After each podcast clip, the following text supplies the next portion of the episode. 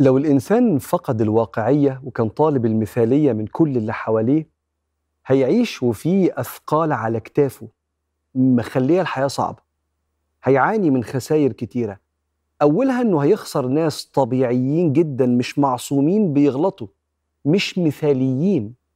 هو نفسه في المثالية ونفسه محدش يزعل حد ولا حد يتكلم على حد في ظهره وده مش واقع. كله ابن آدم خطاء.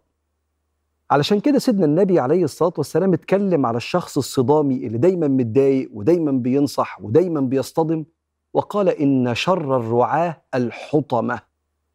يقصد النبي مثل راعي الغنم لما الغنمة تشرد منه ما هي غنمة. أكيد بتجري شافت حتة زرع عايزة تاكلها. يقوم جايب الغنمة وخابطها في الأرض يكسرها. فطالع بعشرين غنمة راجع بعشرة ليه؟ موت بعصايته ولا بإيديه كل غنمة شردت. فانت في ناس هتشرد بأخلاقها. فمش كل واحد ما ينضبطش معاك في موعد أو يتأخر عليك في وعد. تخسره. البشر مختلفين. نبه على اللي بيؤلمك مع توقع الخطأ من البشر. الخسارة التانية اللي بيعيش بيها هو حمل إحساس المرارة تجاه البشر. وإن الأرض بالناس اللي فيها مكان غير آمن. بيسموها عقلية الندرة مش عقلية الوفرة. أنا مش مبسوط عموما. مفيش حاجة حصلت النهاردة مخصوص بس في تراكم لإحساس المرارة كده من كتر الأخطاء اللي بشوفها.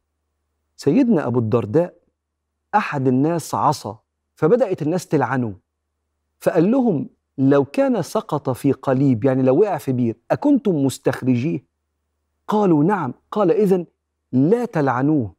واحمدوا الله الذي عافاكم وسلوا الله له العافية.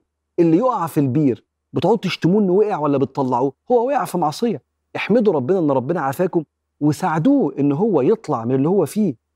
فقالوا أفلا نبغضه لأنه بيعصي لأنه بيغلط؟ قال لا. ولكن ابغضوا عمله.